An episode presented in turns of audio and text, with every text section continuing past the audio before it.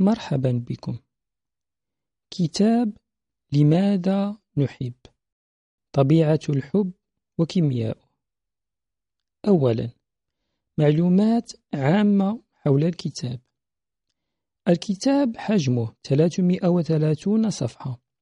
بعدد كلمات تقريبي 100 صفحة أو 100 كلمة في كل صفحة. الطبعة الإنجليزية. صدرت عام 2004 والطبعة العربية عام 2015 الكاتبة هي هيلين فيتشر من مواليد 1945 هي باحثة أمريكية في السلوك البشري وعلم الإنسان وهي بروفيسورة في جامعة روتجر وأيضا باحثة في المتحف الأمريكي للتاريخ الطبيعي في نيويورك وتعد رائدة في بيولوجيا الحب والانجذاب الإنساني ومتحدثة رئيسية في المؤتمرات الدولية حول مواضيع الحب والانجذاب عند البشر. ثانيا موضوع الكتاب في البداية تمهد الكاتبة لمفهوم الحب أدبيا وعبر التاريخ الثقافي للبشر. وكيف أن هذا المفهوم بقي غامضا على الدوام وألهب أقلام الشعراء وعقول الفلاسفة والحكماء؟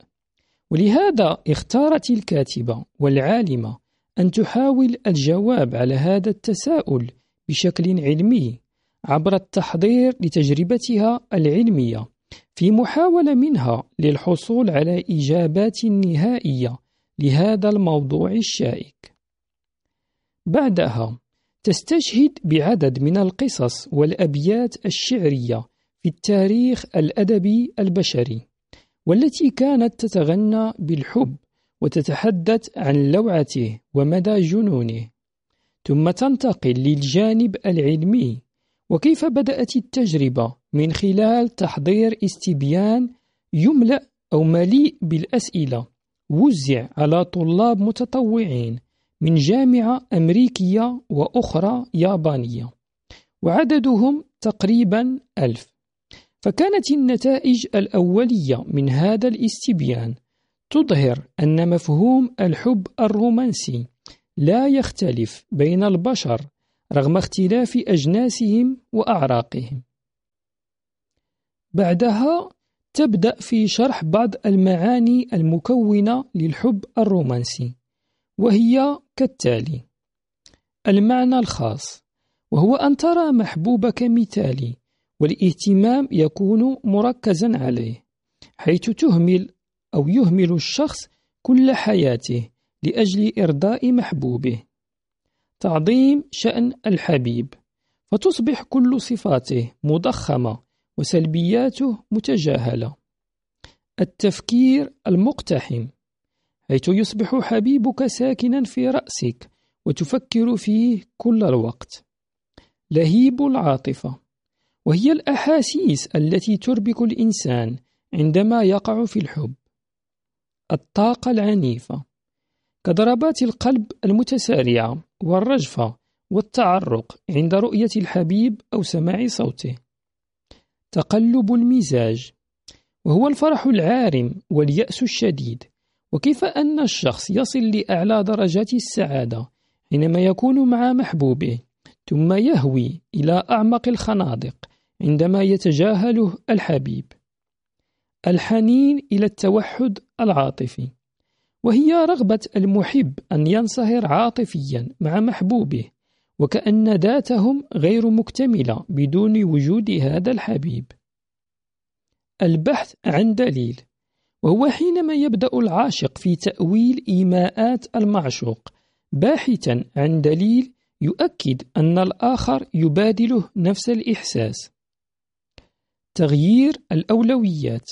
حيث أن العاشق يغير نمط حياته ومكان سكنه وحتى ذوقه في الطعام فقط لأجل إرضاء معشوقه. الاعتمادية العاطفية وهي حالة الاعتماد المفرطة التي يوجهها الحبيب اتجاه حبيبه. التقمص العاطفي وهو النتيجة الحتمية للاعتمادية العاطفية فيتبدل مزاج الحبيب تبعا لمزاج حبيبه فإما أن يكون سعيدا لأجل سعادته أو العكس بالعكس.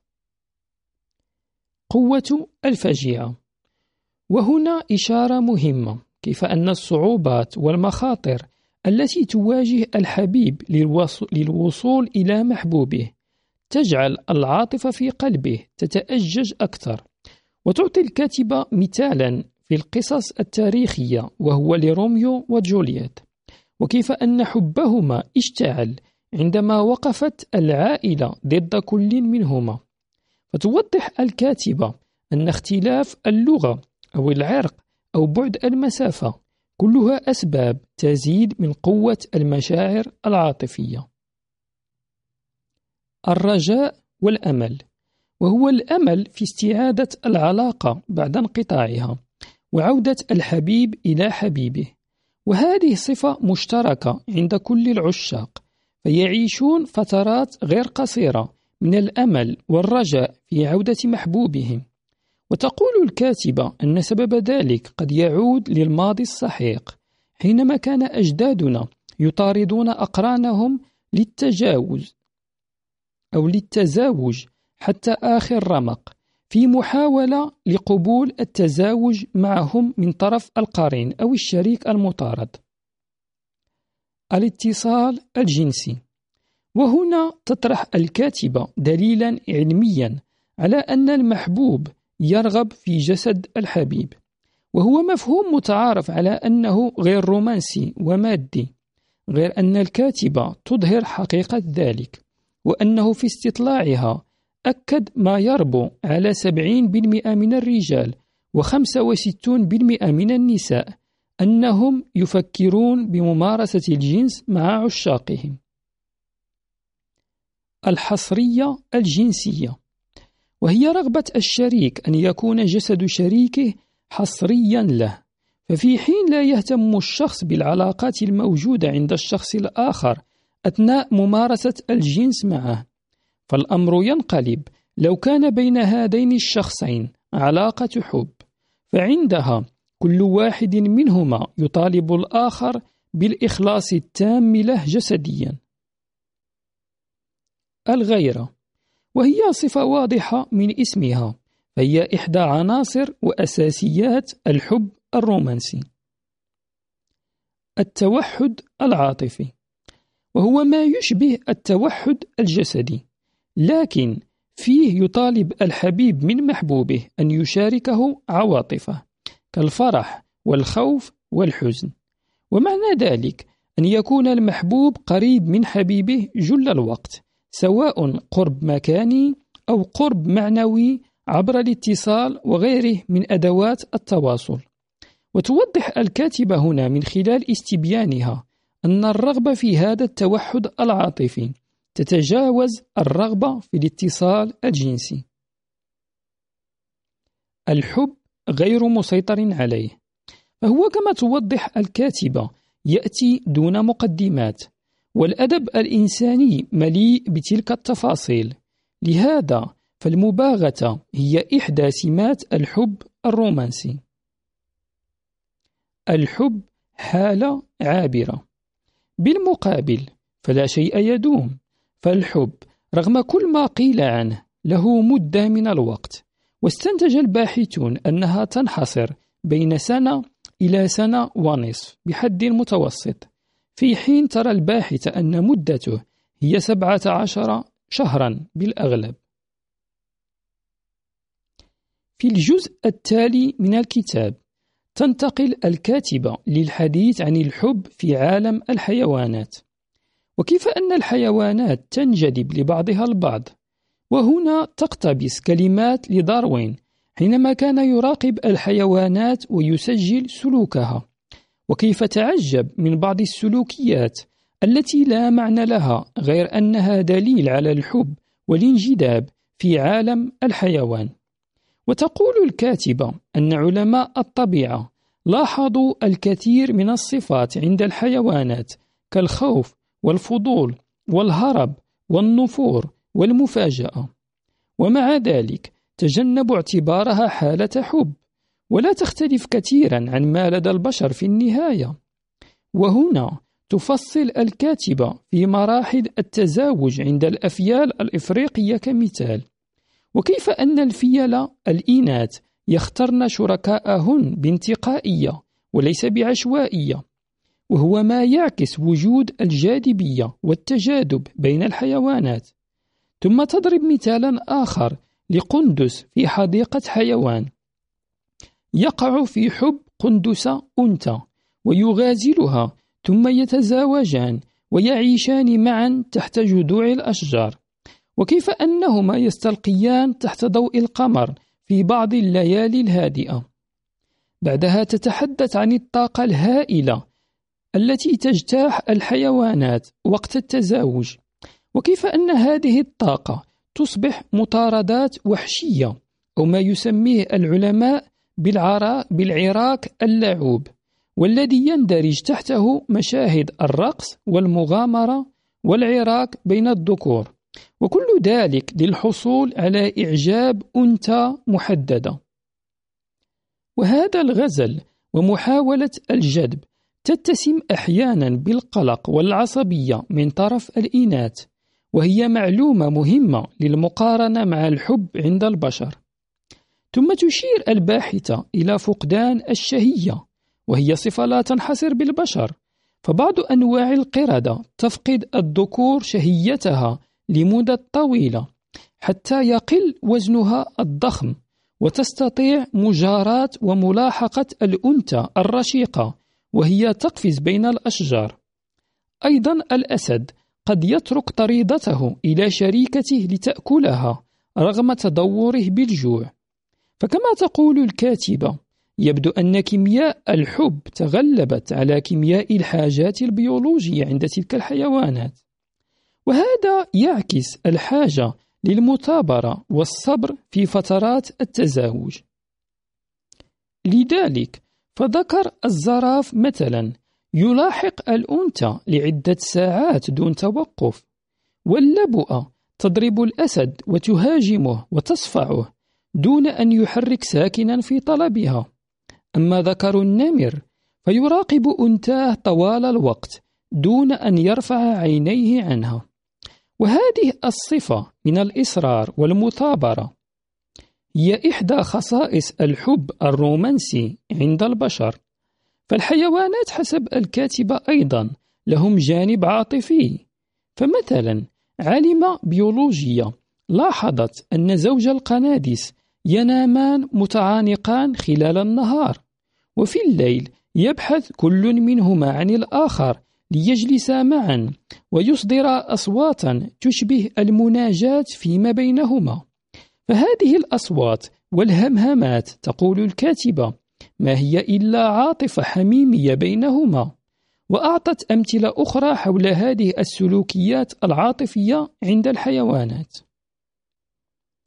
بعدها تنتقل لقصة عجيبة لكلب وكلبة تشبه قصص الحب البشرية وكيف أن الكلب حينما تم إبعاده عن شريكته بقت الأخيرة حزينة ومنزوية رغم وجود كلاب أخرى يمكن أن تتزاوج معها. وبقت تجلس في نافذة حيث رأت آخر مرة كلبها وهو يرحل بعيدا عنها. ثم تنتقل الكاتبة للحديث أكثر عن الانتقائية في عالم الحيوانات. فمثلا تقول أن ذكور الخفاش الإفريقي تصطف في الكهف وتصدر أصواتا خاصة. فتأتي الإناث لتتفحص كل ذكر.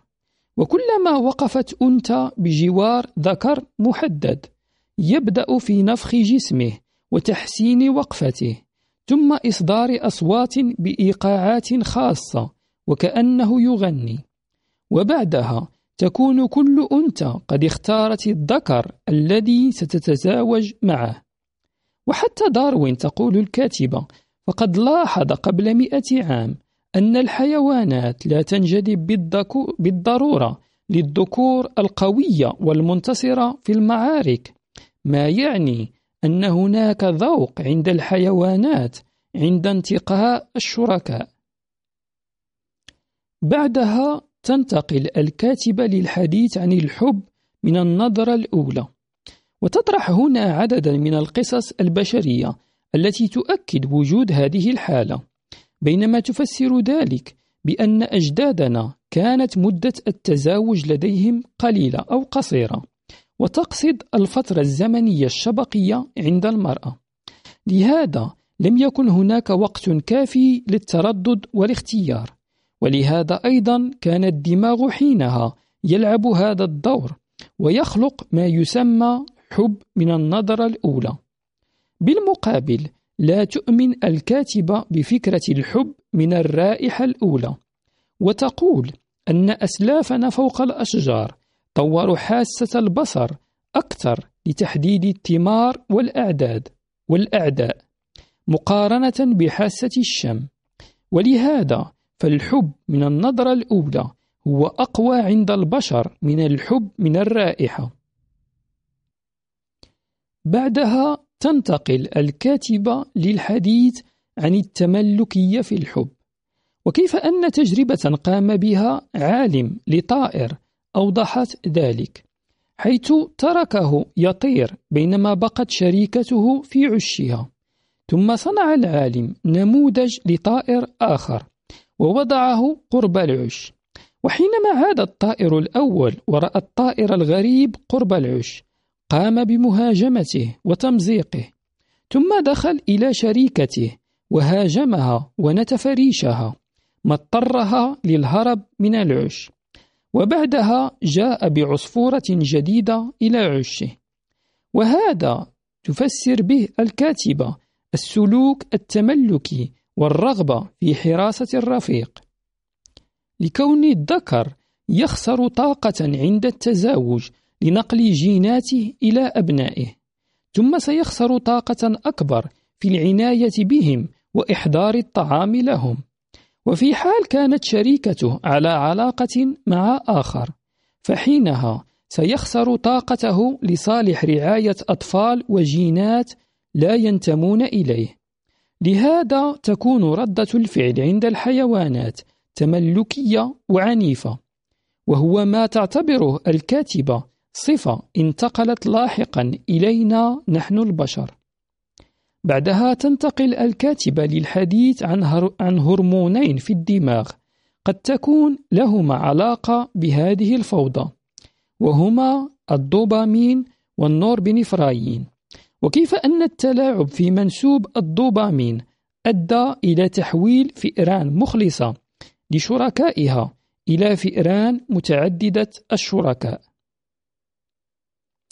في الجزء التالي تنتقل الكاتبة للتجربة العلمية وتبدأ حديثها بالحديث عن الدوبامين وكيف أنه هرمون يسبب التركيز. ففي العادة ما يركز المحبوب على محبوبته حصرا كما أن هذه المادة إحدى مسببات النشوة والابتهاج وما يتبعها من خفقان القلب والارتعاش وغيره من الأعراض الجسدية. المصاحبة لزيادة هذا الهرمون. فالدوبامين ينشط أو ينشط حينما تكون هناك عقبات للوصول نحو الهدف فيزيد الرغبة والإصرار والتحدي وكلها هي صفات الحب الرومانسي والتي قد تعطي أعراض مقاربة للإدمان. ثم تنتقل للحديث عن هرمون النوربينفراين. وهو مشابه للدوبامين غير أنه المسؤول أيضا على فقدان الشهية والأرق ويؤدي لتخزين تفاصيل دقيقة عن المحبوب تبقى مخزنة في الذهن لفترات طويلة بعد انتهاء العلاقة. ففي حين أن الدوبامين والنوربينفراين يفرزان بقوة عند بداية الحب فهما أيضا يسببان نقصان السيروتونين ما ينتج عنه الهوس. لكن تقول الباحثة أن العلاقة بين الثلاثة ليست بسيطة والتلاعب في قيمة إحداهم لا يعطي النتائج المتوقعة دائما. غير أن هذه العلاقة الثلاثية بالمقابل يمكن اعتبارها العمود الفقري للحب الرومانسي. لاحقا تنتقل للحديث بتفصيل عن التجربة حيث قامت بمسح أدمغة المتطوعين عبر جهاز الرنين المغناطيسي الوظيفي الذي يدرس نشاط أجزاء الدماغ تبعا لكمية الدم التي يسحبها أو تسحبها الخلايا هناك والتجربة كانت كالتالي يطلب من المشارك أن يدخل للجهاز القمعي ثم تعرض عليه صورة لمحبوبته فينظر لها مدة من الزمن والعلماء يمسحون دماغه. بعدها تعرض عليه أرقام عشوائية كبيرة ويطالب بطرح رقم سبعة من كل رقم وهي طريقة لتشتيت الذهن.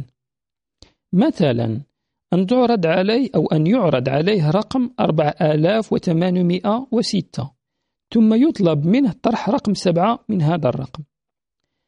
بعدها يتم عرض صورة عادية لأحد أفراد العائلة أو الأصدقاء ثم يتم مسح الدماغ مجددا وبعدها يتم المقارنة بين مسح الدماغ في الحالة الأولى عند رؤية المحبوبة ومسح الدماغ في الحالة الثانية عند رؤية شخص معتاد عليه. توضح الكاتبة أن سبب اختيار الصور كمقياس عائد إلى تجربة أخرى. حددت أن الصور تحفز العواطف أكثر من الروائح أو الخطابات المكتوبة ولهذا تم اعتمادها في التجربة. كذلك من تم قبولهم للمشاركة في التجربة تم انتقاؤهم بعناية كي لا تؤثر اضطراباتهم النفسية أو تجاربهم الخاصة المؤلمة على نتائج التجربة. بعدها تحدثت الكاتبة عن قصص أشخاص أثروا فيها بسبب تجاربهم العاطفية الخاصة، وكيف استنتجت منهم بعض المعلومات التي أفادتها لاحقا. ثم تنتقل للحديث عن المخ وهو في حالة الحب، وكيف أن الدماغ عبارة عن حوالي عشرة بلايين خلية عصبية وأن كل خلية عصبية يمكنها أن تنتج أو تنقل أو تخزن الوصلات العصبية مثل الدوبامين والنوربينفرايين والسيروتونين. كما أن كل خلية عصبية لا تتواصل إلا مع مجموعة محددة من الخلايا العصبية الأخرى وهو ما يشكل ذكرياتنا وأفكارنا وأحاسيسنا وهو ما يسمى أيضا بدوائر المخ.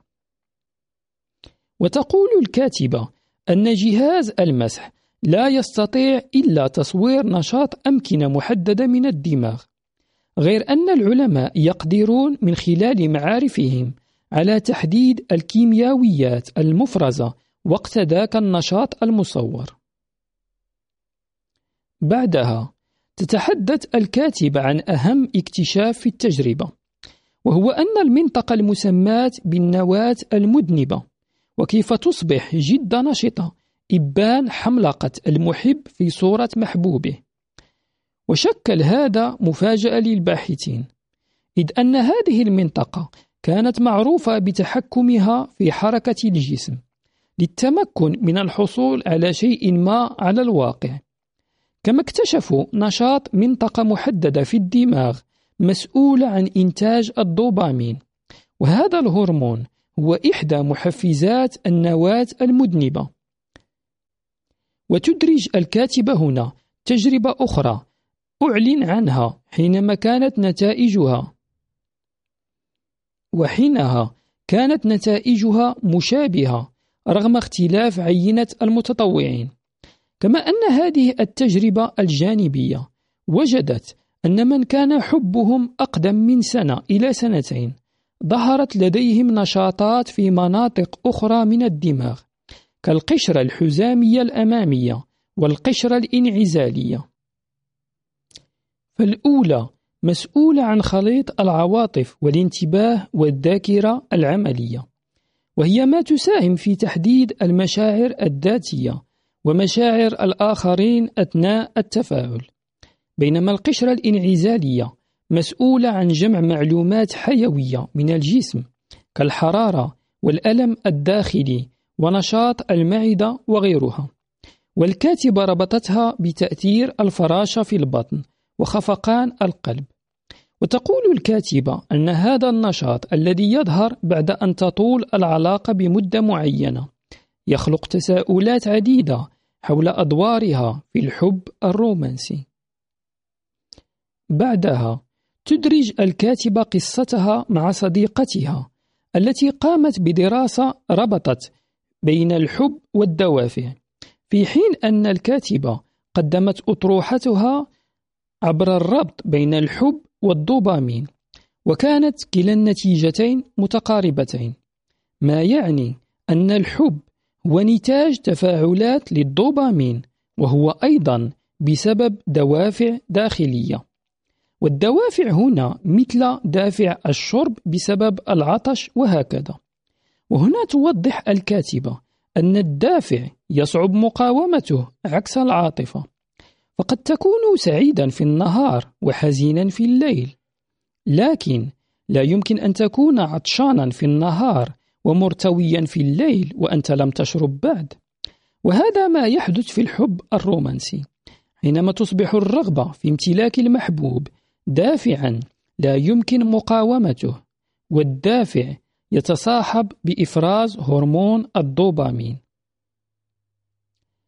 في الجزء التالي تنتقل الكاتبة لتشريح نسيج الحب والمتكون من الشهوة والغرام والارتباط لتوضح أن مسارات هذه الثلاثة مختلف في الدماغ فالشهوة يحركها هرمون التستوستيرون. بينما الغرام والرومانسية فمسؤول عنها الدوبامين وربما بمساعدة النوربنفرين والسيروتونين. أما مشاعر الارتباط فتلك من مهمات الأكسيتوسين والفازوبريسين. وهذه التقسيمات حسب الكاتبة لها أسباب أصلية في نسيج التطور البشري. فمثلا الشهوة تطورت لتحفز الكائنات للاتصال الجنسي. أما الرومانسية فهدفها البحث عن شريك مناسب قبل إضاعة الطاقة في عملية جنسية مع شريك غير مناسب. بينما مشاعر الارتباط فتطورت لتوفر توازن ذهني يساعد كلا الطرفين للعيش معا مدة طويلة بغية تربية الطفل. مع ذلك تنبه الكاتبة إلى أن كل وظيفة من تلك لها أيضا وظائف جانبية أخرى. فمثلا دائرة الرغبة الجنسية في المخ تؤثر أيضا في بناء أصدقاء جدد وتوفر المتعة في المغامرة وانسجام العضلات وغيرها.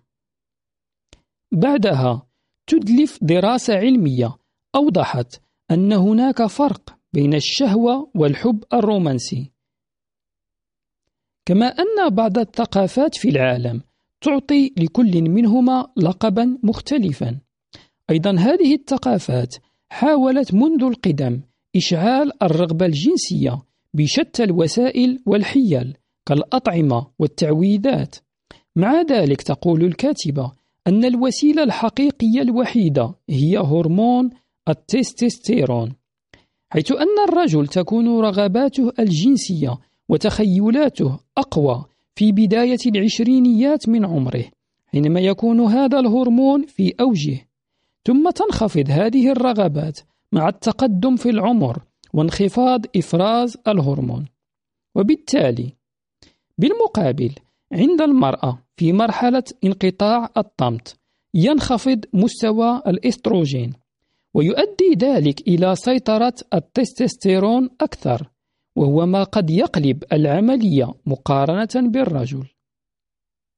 كما أن الرجل تقول الكاتبة يتحفز أكثر بالنظر وهذا ما يفسر إدمان الذكور على الإباحيات وليس هذا منحصرا على البشر فحتى القردة ترتفع لديها مستويات التستوستيرون عند رؤية عملية مضاجعة لقردة, لقردة أخرى. بالمقابل المرأة تتحفز بالكلمات الرقيقة والمشاهد في الأفلام والقصص.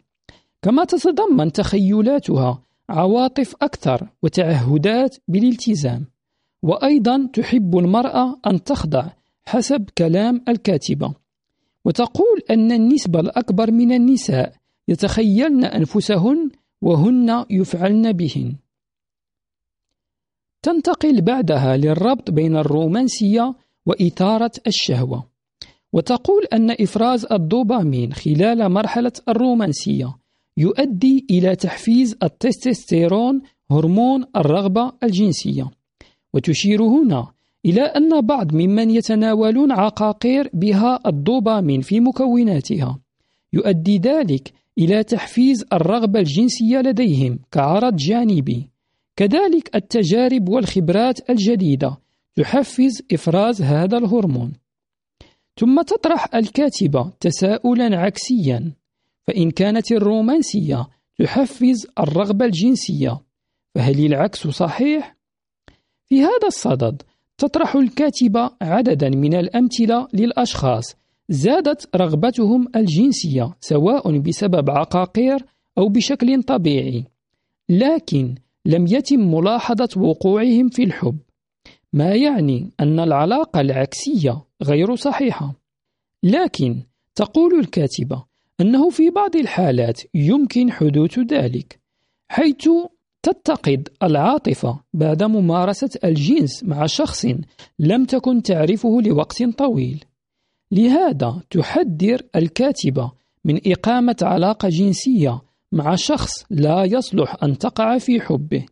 حتى لا تتورط معه لو تفاعل دماغك بشكل مختلف وأفرز الدوبامين هرمون الرومانسية أثناء العلاقة الجسدية. بعدها تنتقل الكاتبة للحديث عن مشاعر الارتباط. مستعينة بعدد من القصص والأقوال حول الحب الذي يدوم في الأدب والثقافة العالمية. ثم تعود لفحصه بمجهرها البيولوجي الكيميائي. فتقول أن هذه المشاعر قد يكون هرمون الفازوبورسين والأكسيتوسين هما المسؤولان عنها. وقد استنتج ذلك العلماء من خلال مراقبة فئران تعيش طوال حياتها بشكل مخلص بين الأزواج. ووجدوا أن هذه الهرمونات تفرز بعد العملية الجنسية وهي المرحلة التي ستعني بداية الالتزام الطويل. كما أن العلماء حين قللوا إفراز الفازوبورسين في أدمغة ذكور الفئران أصبحوا أوغادا وبدأوا يخونون دون انقطاع. بالتالي يمكن القول أن هذا الهرمون يدفع الذكور للإخلاص. بينما الأكسيتوسين والذي يحفز إنتاج الحليب في ثدي المرأة وتشغيل انقباضات الرحم لديها فهو المسؤول عن مشاعر الارتباط طويلة الأمد لديها أيضا. وهو كذلك له علاقة في مشاعرها اتجاه وليدها. وتقول الكاتبة أن الفازوبورسين يفرز بشكل حاد عند الرجل والأكسيتوسين عند المرأة أثناء هزة الجماع بينهما وهو ما يفسر الرغبة في الحضن والتقارب الجسدي بعد نهاية العلاقة الجنسية. أيضا تشير الكاتبة للعلاقة الخطيرة بين التستوستيرون هرمون الجنس وبين هرموني الارتباط الفازوبورسين والأكسيتوسين وتوضح كيف أن ارتفاع هرمون الجنس وإن زاد من الرغبة الجنسية فهو قد يقلل الرغبة في الارتباط وأن الأب حين ولادة طفله الأول ينخفض لديه هرمون التستوستيرون بشكل كبير نتيجة زيادة هرمون الفازوبورسين وبالتالي الاستعداد للاستقرار وتجنب المغامرات الجنسية. وهو ما يفسر خمول العلاقة الجنسية بين الأزواج إن طال الزواج بينهما.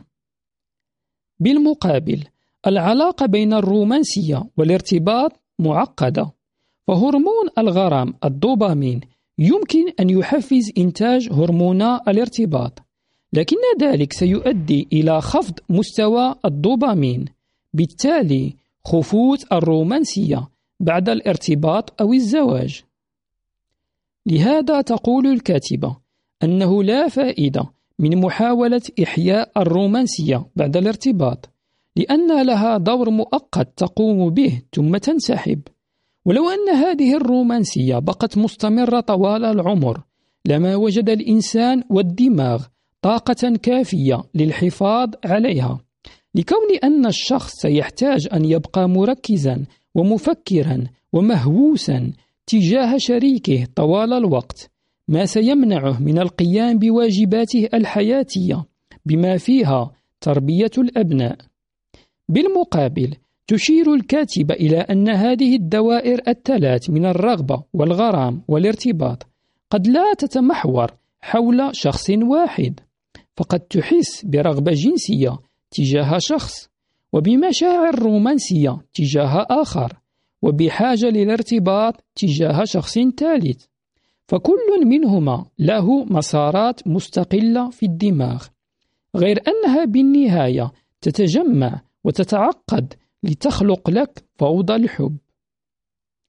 ثم تدرج الكاتبة عددا من أنواع الحب كالحب الهوسي والعنيف وحب اللعبة وغيرها وكل منها لها خصائص وصفات معينة. كما أن دوائر الحب تتداخل مع بقية دوائر الدماغ ما تخلق لكل شخص نسخة خاصة لحبه. وهذه التوليفة المعقدة يمكنها التحكم في مشاعره وانفعالاته وأفعاله.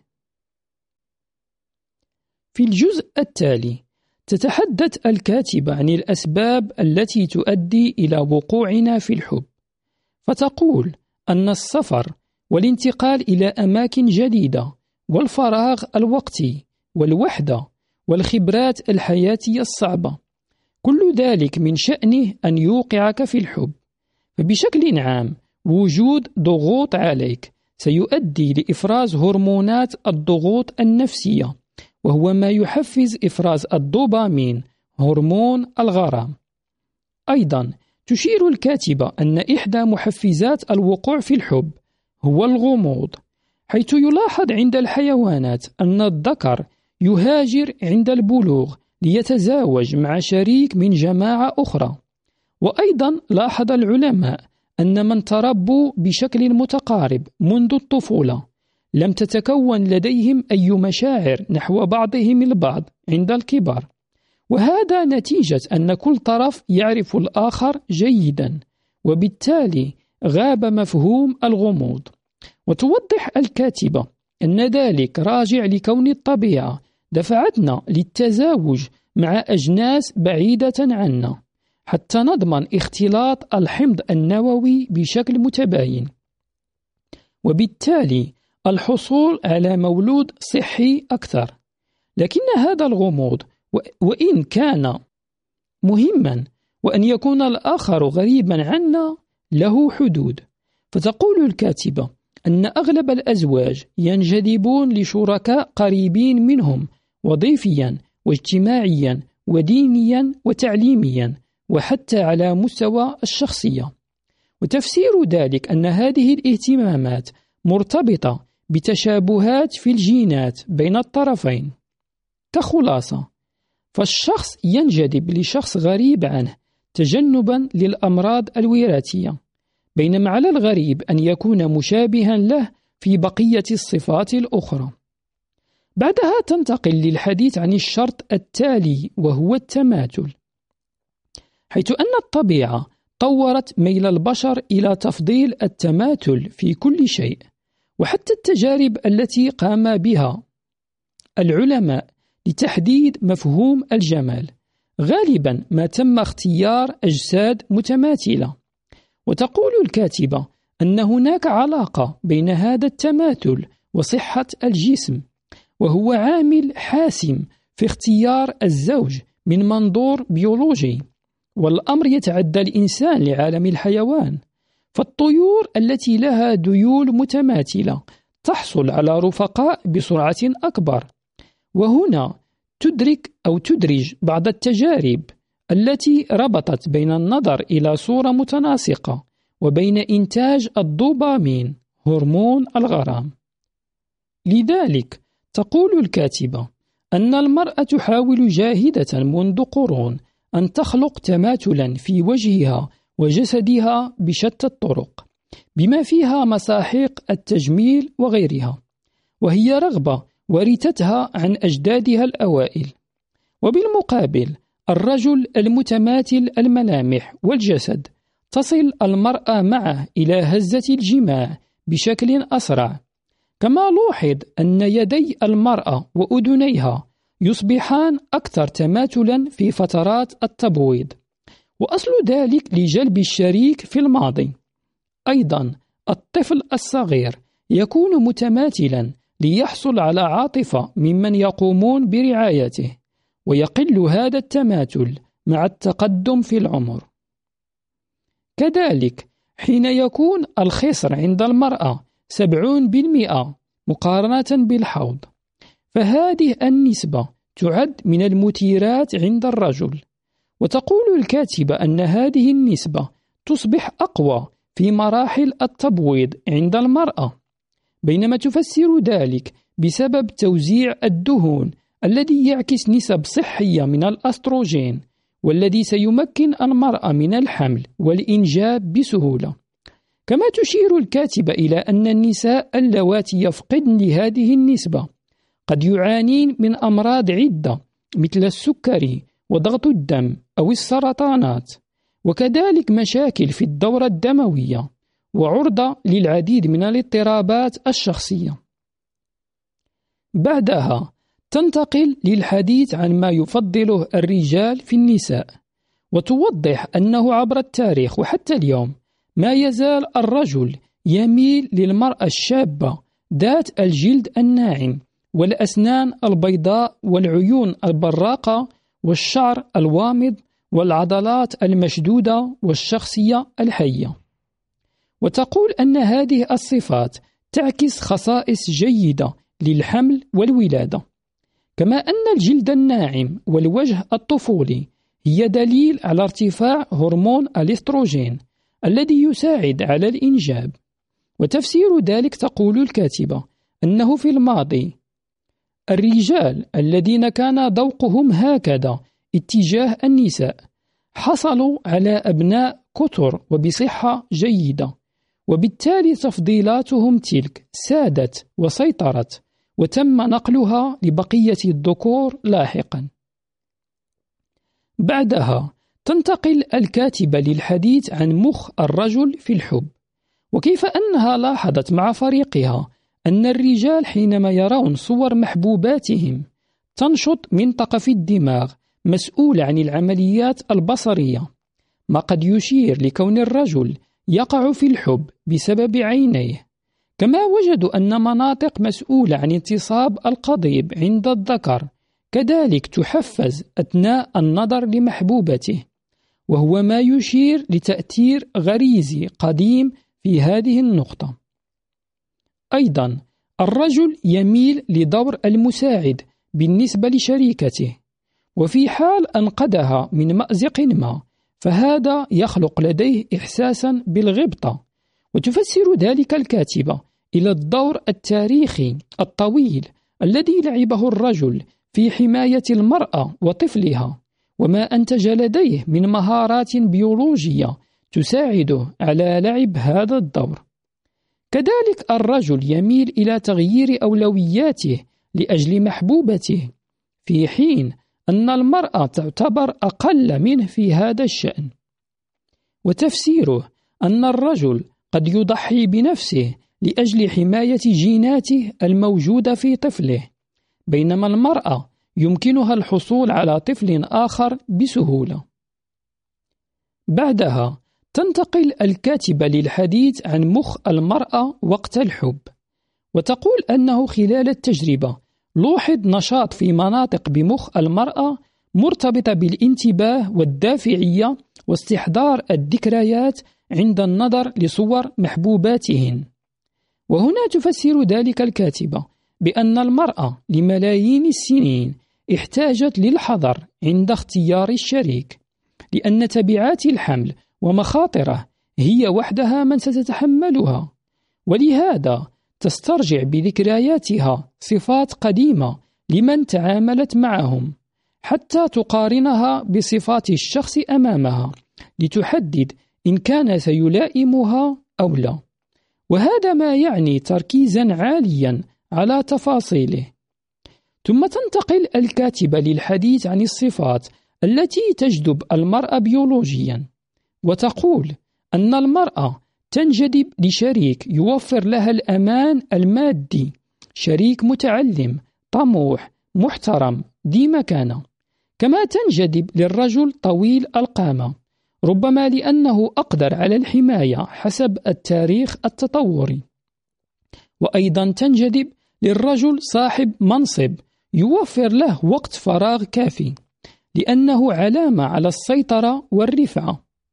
أيضا تفضل المرأة الرجل صاحب عظام الوجنات البارزة والفك القوي وتقول الكاتبة أن هذا دليل على التستوستيرون وقوة نظام المناعة. كما أن المرأة وقت التبويض تصبح أكثر انجذاب لهذه العينة من الرجال. بينما المرأة المستعدة للحمل تنجذب لرجل فكاهي خفيف الدم. وبشكل عام المرأة وقت التبويض تنجذب لأشخاص ذكوريين وفي باقي الأوقات تنجذب لرجال لينين يمنحون إحساسا بالالتزام الطويل. ثم تنتقل الكاتبة للحديث عن العلاقات الطارئة أو قصيرة الأمد.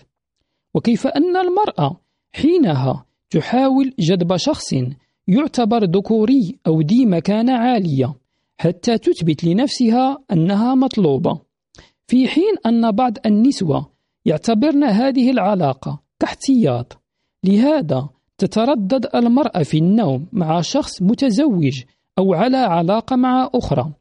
فهي تعلم أن مواردة البيولوجية والمادية موجهة للأخرى ولن يصلح كاحتياط أو كتعزيز لقيمتها الذاتية.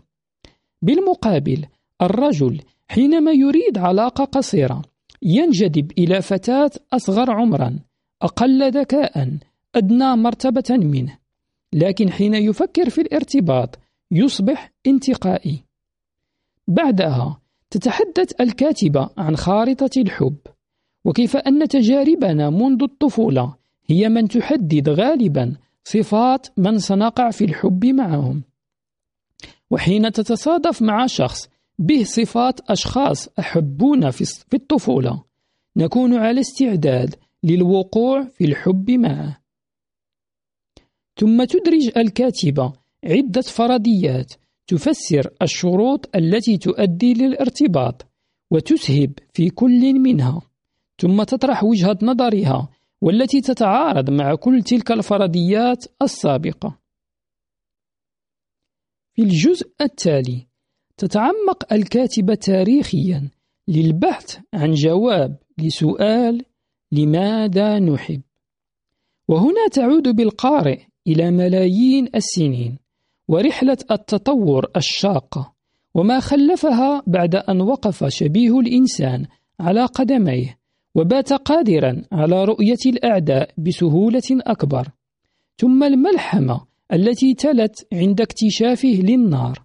وتحوله من آكل لبقايا الحيوانات إلى صياد وقادر على طبخ اللحم. وهي العملية التي سهلت هضمه في الأمعاء ومنحت الدماغ كمية من الطاقة الزائدة ساهمت في تطور الدماغ أكثر وظهور باحات اللغة فيه. فتقول الكاتبة أنه لا بد حينما كان الإنسان جالسا في دائرة حول النار لا بد أنه أنشأ القصص عن مغامراته في الصيد خلال النهار وألف الأغاني وتعلم الرقص ثم لاحقا اكتشف الغزل. وكيف أن الأنثى الشبيهة بالإنسان حينها وحين استقام ظهرها لم تعد قادرة على حماية نفسها وهي تحمل رضيعها في يدها الأخرى ما استلزم وجود ذكر معها يحميها. وتقول الكاتبة أن هذا هو النواة الأولى للزواج.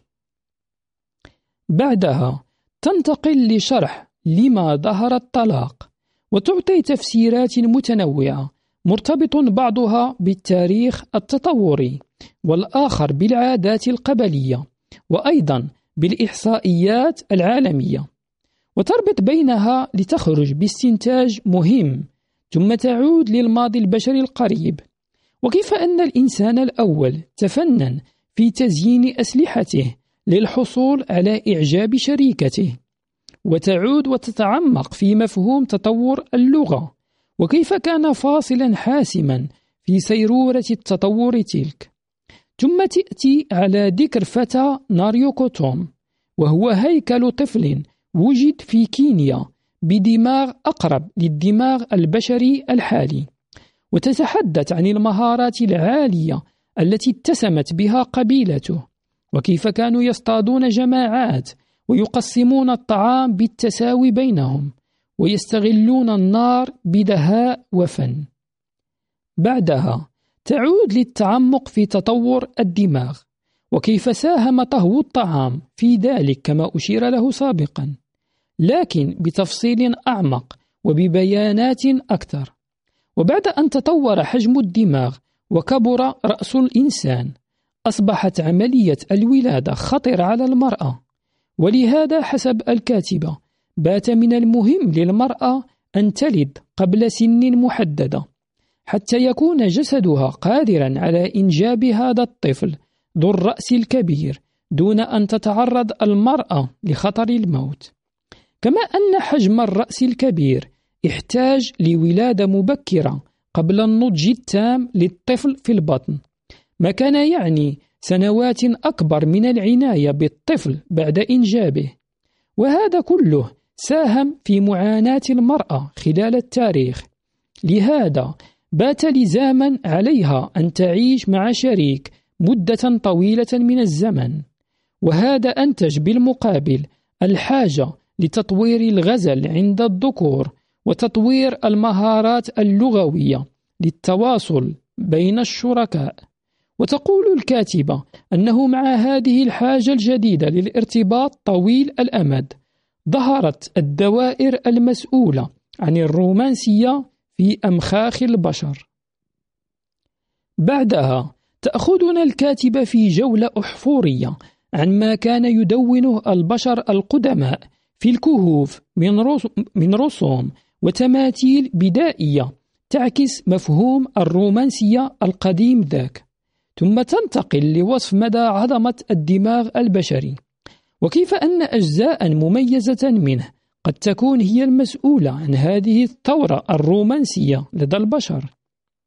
ثم تنتقل للحديث عن مفهوم الحب النزوي أو ما يمكن تسميته بالخيانة. وتوضح أن وجود شريك سري شكل بالنسبة للرجل طريقة لنشر جيناته دون إغضاب شريكته وأن هذه الخيانة منتشرة بشكل كبير في المجتمعات وفي التاريخ البشري وحتى في عالم الحيوان فهي طريقة آمنة لنشر الجينات كما تقول. في الجزء التالي تتحدث عن الرفض واليأس والغضب. وهنا طرحت عددا من القصص المؤثرة التي سمعتها من متطوعي التجربة. وكيف أن بعضها أوضح لها بأن هناك علاقة بين الهجران والغضب.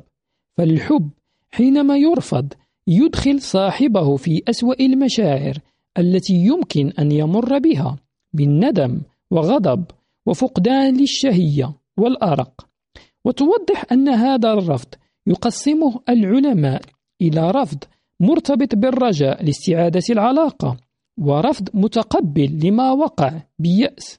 وتوضح أن عدم القدرة على الوصول إلى المحبوب يؤدي إلى إفراز كميات كبيرة من الدوبامين وهو ما ينتج أحاسيس من الغضب والفعل المتهور وهي صفات تلاحظ في صغار الحيوانات حينما تتركها أمهاتها فتكون خائفة وعدوانية في البداية.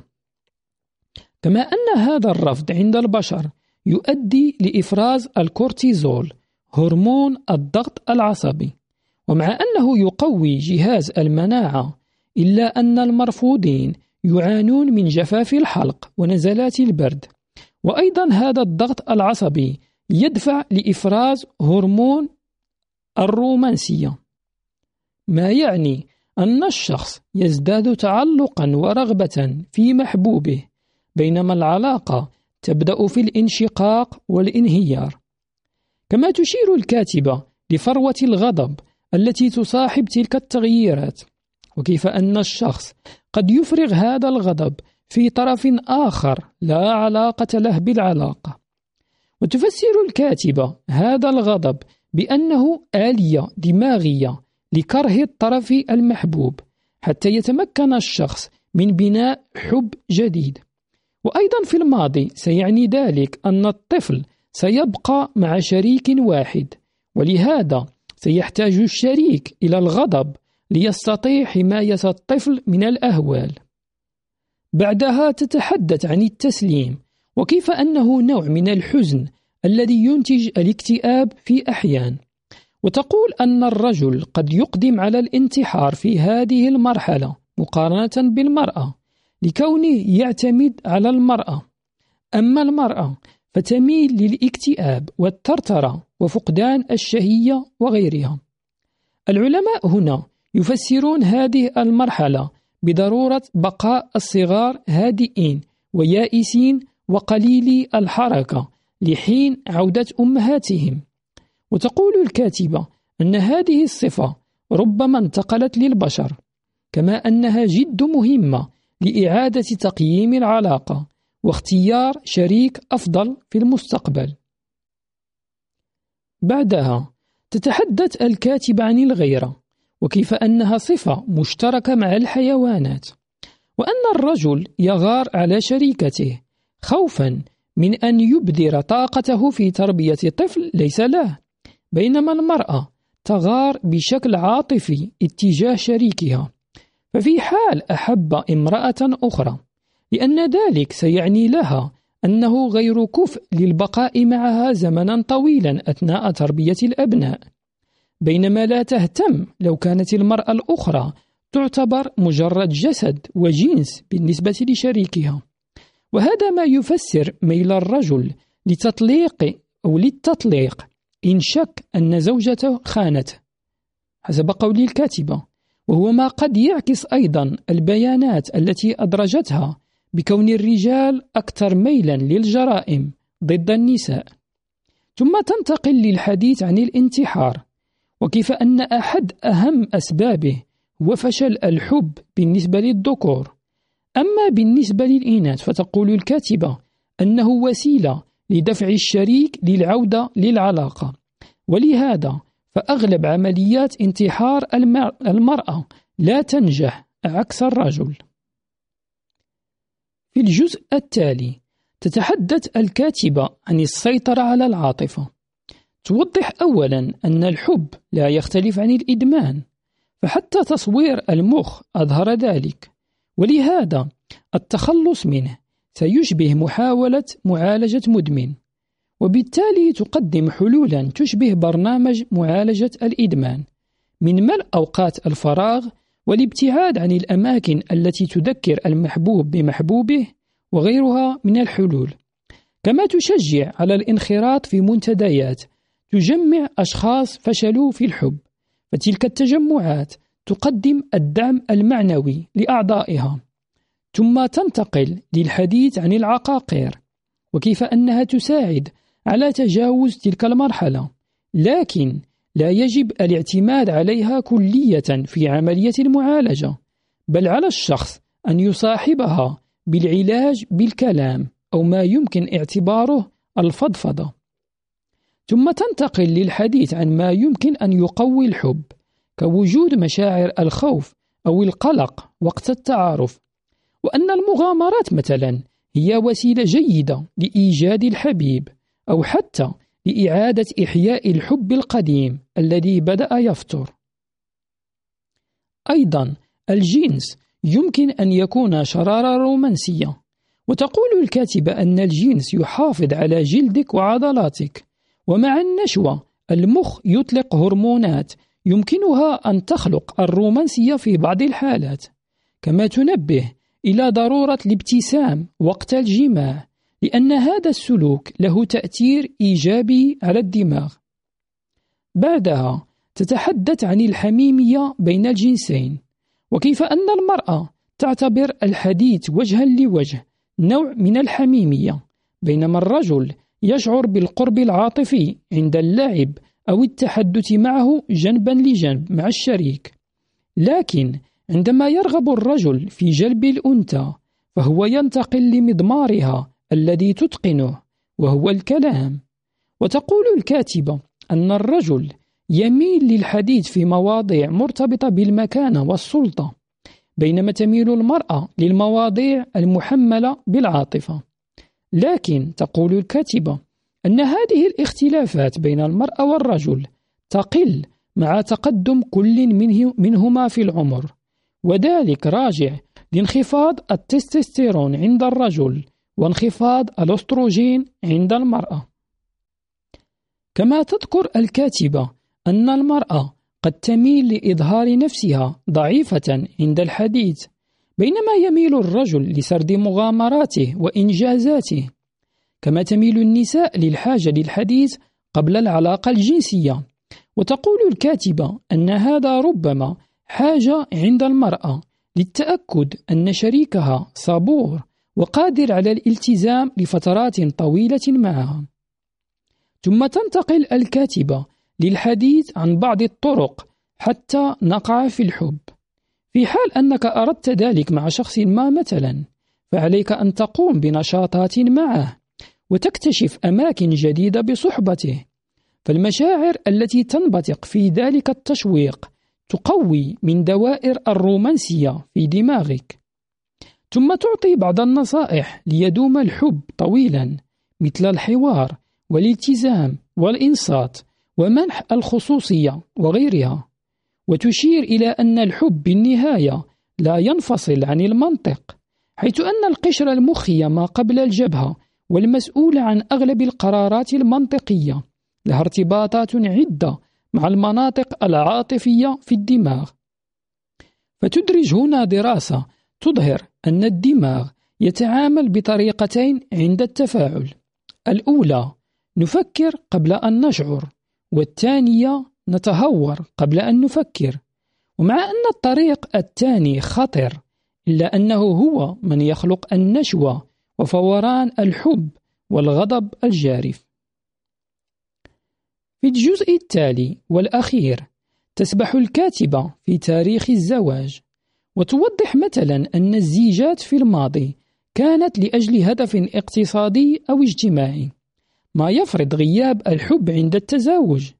لكن غالبا ما كان كل شريك يأخذ شريكا سريا يختاره أو يتزوج الرجل بامرأة ثانية عن حب. وبينما كان هذا هو السائد في العائلات الغنية فالفقراء نجوا من هذه الظاهرة وتزوج أغلبهم نتيجة الحب. لكن خلال الثورة الصناعية تحرر المزيد من الأفراد من تلك الأغلال خاصة النساء العاملات فانتعش زواج الحب من جديد. كما توضح الكاتبة أن فكرة التعددية كانت المرأة ترفضها منذ القدم لكن فضلت أن تكون زوجة ثانية لرجل ثري على أن تكون زوجة وحيدة لرجل فقير. بينما بعد أن عملت واستعادت استقلاليتها أصبح هذا الأمر مرفوضا لديها على الدوام.